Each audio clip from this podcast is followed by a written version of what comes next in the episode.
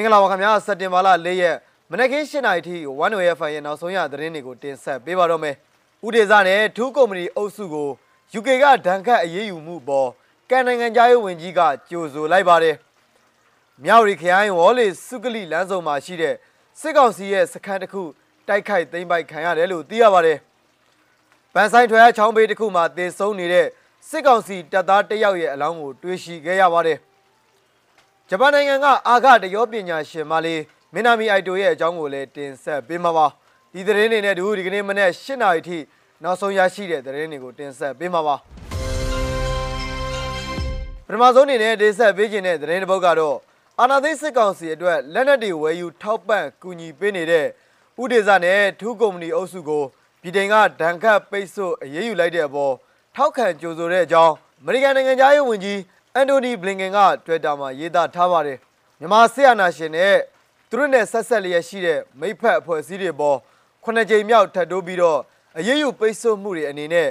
ဥဒေဇနဲ့ထူးကုမ္ပဏီအုပ်စုကို UK အစိုးရကဒဏ်ခတ်ပိတ်ဆို့အရေးယူကြောင်းစက်တင်ဘာလ2ရက်နေ့မှာကြေညာလိုက်တာဖြစ်ပါတယ်။ရခိုင်ပြည်နယ်မှာ2019ခုနှစ်ကဖြစ်ပွားခဲ့တဲ့လူအခွင့်အရေးချိုးဖောက်မှုနဲ့ရိုဟင်ဂျာပြည်သူတွေပေါ်နယ်မြေရှင်းလင်းရေးဆောင်ရွက်ခဲ့တဲ့စစ်တပ်ရဲ့လိုရပေါ်ဥဒေဇကလက်နက်ခဲယမ်းတွေ ထောက်ပံ့ကူညီပေးခဲ့တဲ့အကြောင်းပြည်ထောင်စုရဲ့ကြေညာချက်မှာဖော်ပြထားပါတယ်။အာဏာသိမ်းစစ်ကောင်စီပါဝင်အရသာပြည်သူတွေကိုရရဆက်ဆက်တပ်ဖြတ်နှိမ်နင်းမှုတွေကိုထောက်ခံအားပေးနေတဲ့ဘယ်သူကမဆို UK ဆိုရကပြစ်မှတ်ထားအရေးယူသွားမယ်ဖြစ်တယ်လို့ UK နိုင်ငံသားရေးဝန်ကြီး Dominic Raab ကသူ့ရဲ့ Twitter စာမျက်နှာမှာရေးသားခဲ့ပါတယ်။အာဏာသိမ်းစစ်ကောင်းဆောင်တွေအပါအဝင်သူတို့နဲ့ဆက်နွယ်တဲ့မိသားစုဝင်တွေနဲ့ထောက်ပံ့ကူညီပေးနေတဲ့စီးပွားရေးလုပ်ငန်းရှင်တွေကိုပြည်ထောင်စုရကဒဏ်ခတ်ပိတ်ဆို့အရေးယူမှုတွေကို ဇက်တိုက်ပြုလုပ်နေတာလည်းဖြစ်ပါတယ်။နောက်ထပ်တင်ဆက်ပေးခြင်းတဲ့သတင်းတစ်ပုဒ်ကတော့ကရင်ပြည်နယ်မြောက်ရီခရိုင်စုကလိမြို့နယ်ခွဲမှာရှိတဲ့စုကလိဝေါ်လီလမ်းဆောင်ကစစ်ကောင်စီရဲ့ဥကရိထစခန်းကိုစက်တင်ဘာလ3ရက်ည8နာရီကျော်လောက်မှာလက်နက်ကင်အဖွဲ့တစ်ခုကဝင်ရောက်တိုက်ခိုက်ပြီးတိုက်ပွဲဖြစ်ပွားတဲ့အကြောင်းဒေသခံသတင်းရင်းမြစ်တွေကသိရပါတယ်။ဖြစ်တာကတော့သေချာတယ်ဘယ်သူနဲ့ဘယ်လိုဖြစ်တယ်ဆိုတာကတော့ကျွန်တော်တို့သတင်းအတိအကျမရသေးဘူးဖြစ်နေတယ်။လိုက်လံတီးပြုတ်နေတော့မလို့ KNL တက်ရင်103တက်မှုတူရဲ့ပြောပြချက်ကိုကရင်သတင်းရင်းမြစ်တစ်ခုဖြစ်တဲ့ KIC မှာဖော်ပြထားပါတယ်။အဲဒီဒေသမှာဆိုရင်ကရင်မျိုးသားကာကွယ်ရေးတပ်ဖွဲ့ KNDO နဲ့ဗမှုစောကျော်တပ်ဦးတို့ဦးဆောင်တဲ့ခွဲထက် DKBA အဖွဲ့တွေစီရေးလှုပ်ရှားနေကြပါတယ်။လက်ရှိချိန်မှာတော့ဘယ်အဖွဲ့ကတွားရောက်တိုက်ခိုက်ခဲ့တာကိုအတီးပြုတ်နိုင်ခြင်းမရှိသေးဘဲနဲ့လက်နက်ကြီးလက်နက်ငယ်ပစ်ခတ်တဲ့တွေကိုမိနစ်အနည်းငယ်ကြားရပြီးတော့လက်ရောက်တိုက်ခိုက်တဲ့အဖွဲ့ကစခန်းကိုသိမ်းပိုက်သွားနိုင်ခဲ့တဲ့အကြောင်းသတင်းတွေထွက်ပေါ်နေပါတယ်။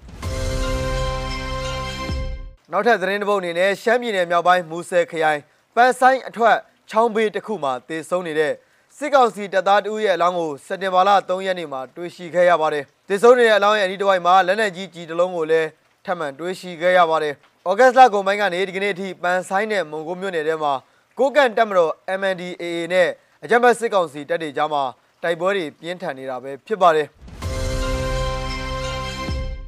ဒီကနေ့ရဲ့နောက်ဆုံးသတင်းတစ်ပုဒ်အနေနဲ့ဂျပန်နိုင်ငံကအာဂတရောပညာရှင်မလေးမင်းနာမီအိုက်တိုရဲ့အကြောင်းကိုလည်းတင်ဆက်ပေးကြပါရစေခင်ဗျာ။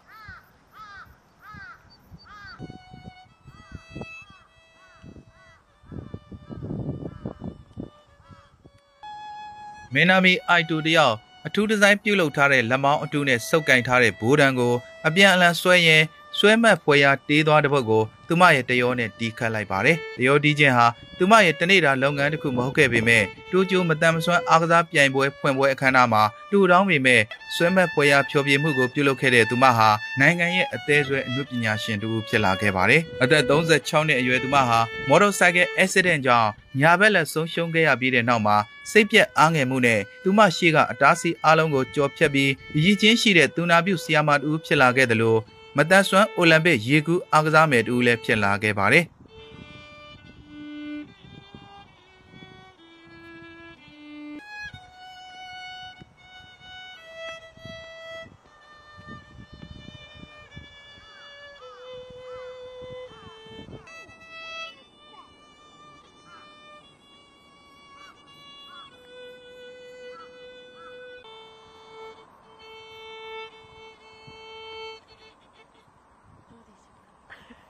ဟာမဖြစ်ဘူးမင်းမလုံနိုင်ဘူးမဖြစ်နိုင်ဘူးလို့လူတွေကကျမကိုပြောကြတယ်လို့စိန်လန်းမြက်ကန်းတပေးကသူမမိခင်ရဲ့အိမ်မှာ AFP ကိုပြောပြခဲ့ပါတယ်။အဲဒီလိုစကားတွေကိုကြားရတဲ့အခါတိုင်းကျမကိုကျမပြောတယ်။အရင်ကဘယ်သူမှမလုံနိုင်ခဲ့လို့သူတို့ဒီလိုပြောတာပဲ။ဒါကြောင့်ငါရအောင်လုပ်ပြမယ်လို့ပေါ့။အိုက်တိုတယောက် အမြဲတမ်းတော့အဲ့ဒီလိုသဘောမထားနိုင်ခဲ့ပါဘူး။အထူးသဖြင့် accident ဖြစ်ပြီးတဲ့နောက်ပိုင်းအသက်20အရွယ်နဲ့သူမဘဝရဲ့အမှောင်နေ့ရက်တွေကိုဖျက်ဆီးရတဲ့အချိန်မှာပဲဖြစ်ပါတယ်။တစ်သက်လုံးအိမ်ထဲကမထွက်ဘဲနေတော့မယ်လို့စိတ်ကူးမိတဲ့အကြောင်းသူမကဝန်ခံခဲ့ပါတယ်။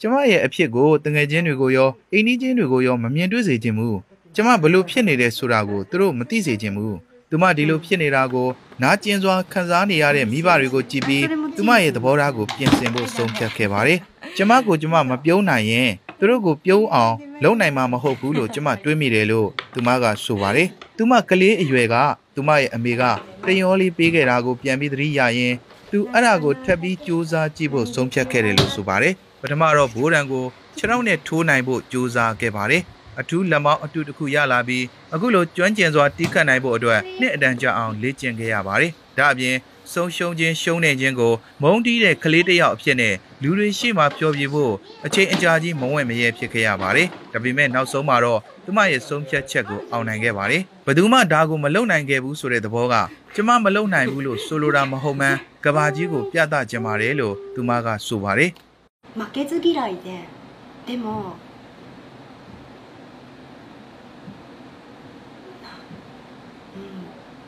人と違う人生を歩んでみたい人と違うことを ကျမကရှုံးနေမှုတွေဆုံးရှုံးမှုတွေကိုမုန်းတီးတဲ့ကလေးတစ်ယောက်ပါ။ကျောင်းသူဘဝတုန်းကအကြမ်းလူတွေနဲ့သူမတူအောင်ဘဝတစ်ခုကိုတိဆောက်ပြနိုင်တဲ့အကြမ်းသူတွေမလုံနိုင်တာကိုလုံပြနိုင်တဲ့လူတစ်ယောက်ဖြစ်ချင်ခဲ့တာ။သူနာပြုတစ်ယောက်အဖြစ်နဲ့နိုင်ငံခြားမှာအလုပ်လုပ်ကျင်ခဲ့တယ်လို့တရောပညာရှင်မင်းနာမီအိုက်တိုကဆိုပါတယ်။ ပထမတော့စေကူပြီးကျမလက်ကိုမဆုံးရှုံးအောင်ကြိုးစားခဲ့သေးတယ်။ဒါပေမဲ့ပိုးဝင်လာပြီးအခြေအနေဆိုးလာတဲ့အတွက်လက်လျှော့လိုက်ရတယ်။အဲ့ဒီမှာရင်တစ်သက်လုံးအိမ်ထဲကအိမ်ပြင်မထွက်ဘဲနေတော့မယ်လို့စဉ်းစားခဲ့တယ်။ကျမအဖြစ်ကိုတငယ်ချင်းတွေအိမ်နီးချင်းတွေမသိစေခြင်းမမြင်စေခြင်းဘူး။အဲဒါကြောင့်အိမ်အပြင်မထွက်တော့ဘူးလို့သူမကဆိုပါတယ်။တိတ်မကြခင်မှာပဲပုံမှန်လက်အတူကကျမအတွက်ဘာမှအသုံးမဝင်မှန်းသိလာရတယ်။အိတ်ထောင်ထဲကအကျွေးစိတ်ကိုတောင်နှိုက်ယူလို့မရဘူး။အဲ့ဒါနဲ့အဆင်မပြေဘူး။ နောက်ဆုံးတော့ကျမအတွက်အသုံးဝင်တဲ့လက်အတူတစ်ခုလိုနေပြီလို့သိလိုက်တယ်။ကျမရဲ့အမာရွတ်တွေကိုကျမရဲ့စိတ်အထိခိုက်ရဆုံးအရာတွေအဖြစ်နဲ့ဘယ်သူကိုမှမပြချင်ခဲ့ဘူးဒါပေမဲ့တကဘာလုံးကိုချပြဖို့ဆုံးဖြတ်လိုက်တယ်ဒီလိုမှမဟုတ်ရင်ကျမဘယ်တော့မှတန်မာလာမှာမဟုတ်တော့လို့ပဲဝီချဲပေါ်မှာကိုခွန်ကိုအားနဲ့မက်မက်ထိုင်နေတဲ့ဘတ်စကတ်ဘောသမားတွေကိုကြည့်ပြီးသူတို့လိုဖြစ်ချင်လာခဲ့တယ်အဲ့ဒါနဲ့ပဲကျမရဲ့အမာရွတ်တွေကိုပြဖို့ရေကူးအားကစားကိုရည်ရွယ်ချက်ရှိရှိရွေးချယ်ခဲ့တယ်လို့ သူမကဆိုပါတယ်ကျမသမီးလေးကြီးပြင်းလာတဲ့အခါငါအမေကထူးဆန်းတယ်လို့သူ့တငယ်ချင်းတွေကိုပြောပြမဲ့နေ့တစ်နေ့ရှိလာလိမ့်မယ်ဒါကငါအမေမိသားစုတိုင်းလူတိုင်းမှာမတူကွဲပြားတာတွေရှိတာတဘာဝပဲလို့သူပြောလာမဲ့စကားကိုကျမကြားကျင်တယ်အဲ့ဒါကိုသမီးအတွက်ကျမကြားကျင်ခဲ့တာလို့သူမကဆိုပါတယ်စက်တင်ဘာလ၄ရက်မနက်ခင်း၈နာရီထိနောက်ဆုံးရရှိတဲ့သတင်းတွေကိုတင်ဆက်ပေးခဲ့တာပါ။ One Way FM ကိုစောင့်မျှော်နားဆင်ကြတဲ့ပြည်သက်အပေါင်း ကိုစိတ်နှပြချမ်းသာချမ်းသာကြပါစေလို့ဆုမွန်ကောင်းတောင်းလိုက်ရပါတယ်။ထူးခြားတဲ့သတင်းတွေနဲ့တူကျွန်တော်တို့မကြခင်မှာပြန်လည်ဆုံတွေ့ကြပါမယ်။